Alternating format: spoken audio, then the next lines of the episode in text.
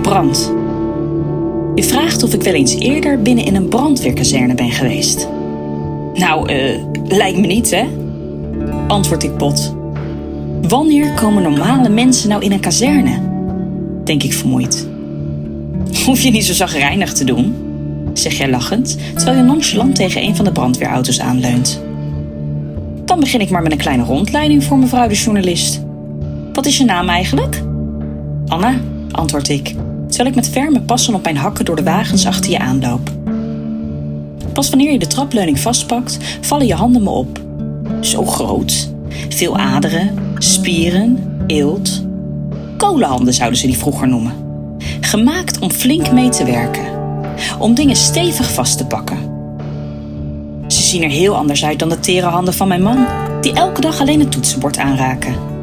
Ja, en mij dan? Soms. Sinds wanneer bestaat deze kazerne? Vraag ik meer geïnteresseerd en opgewekter nu. En terwijl je vertelt over de geschiedenis van deze plek, kijk ik naar je billen. Die gewillig in jouw broek heen en weer wiegen als je de trap oploopt. Ik vind het goede billen. Billen waarmee je hard kunt rennen, zware spullen mee kunt tillen.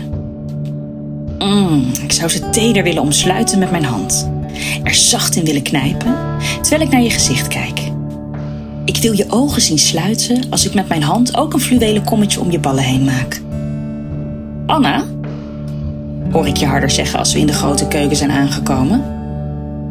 Je kijkt me vragend aan. Hé, wat? Stamel ik. Koffie?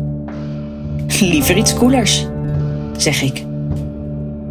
Met een glas koud water in onze handen vervolg je de rondleiding naar de slaapzaal.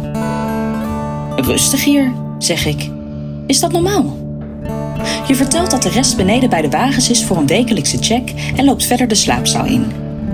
Hier slaap ik, zeg je bij een van de bedden. Goh, zeg ik. En ik ga recht voor je staan. Mijn kin wat verder omhoog dan normaal. Ik voel ineens iets vreselijk noodzakelijks in mijn lijf ontstaan. Het brandt heel erg. Met beide handen pak ik je krachtige billen vast en duw mijn lippen tegen die van jou. Wil je dit? Vraag je zacht. Ja, zeg ik. Ik wil je in me. Nu. Wil jij dit ook?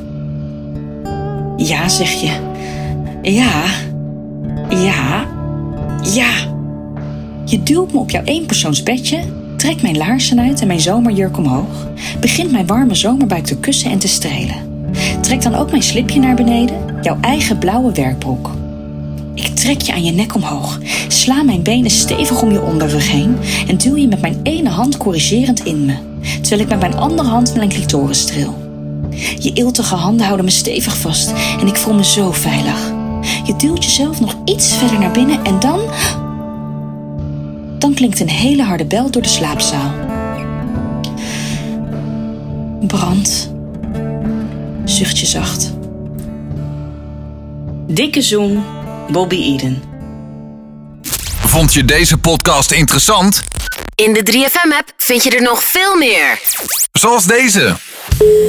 Goeiedag Stekelenburg, spreek met de slotenmaker. Hoi, ik ben Rob van de radio. We hebben sinds kort eh, bij ons op bedrijf een nieuw weilandbier gekocht. En ik heb een speciale hobby. En nu is er vannacht een koe overgestoken. En dan waren we eigenlijk op zoek naar iemand die daar nog twee sloten tussen kan maken. Rob van de radio neemt bekend en onbekend Nederland op de hak in de podcast De Hindertelefoon. Check hem via de 3FM app of jouw favoriete podcastplatform.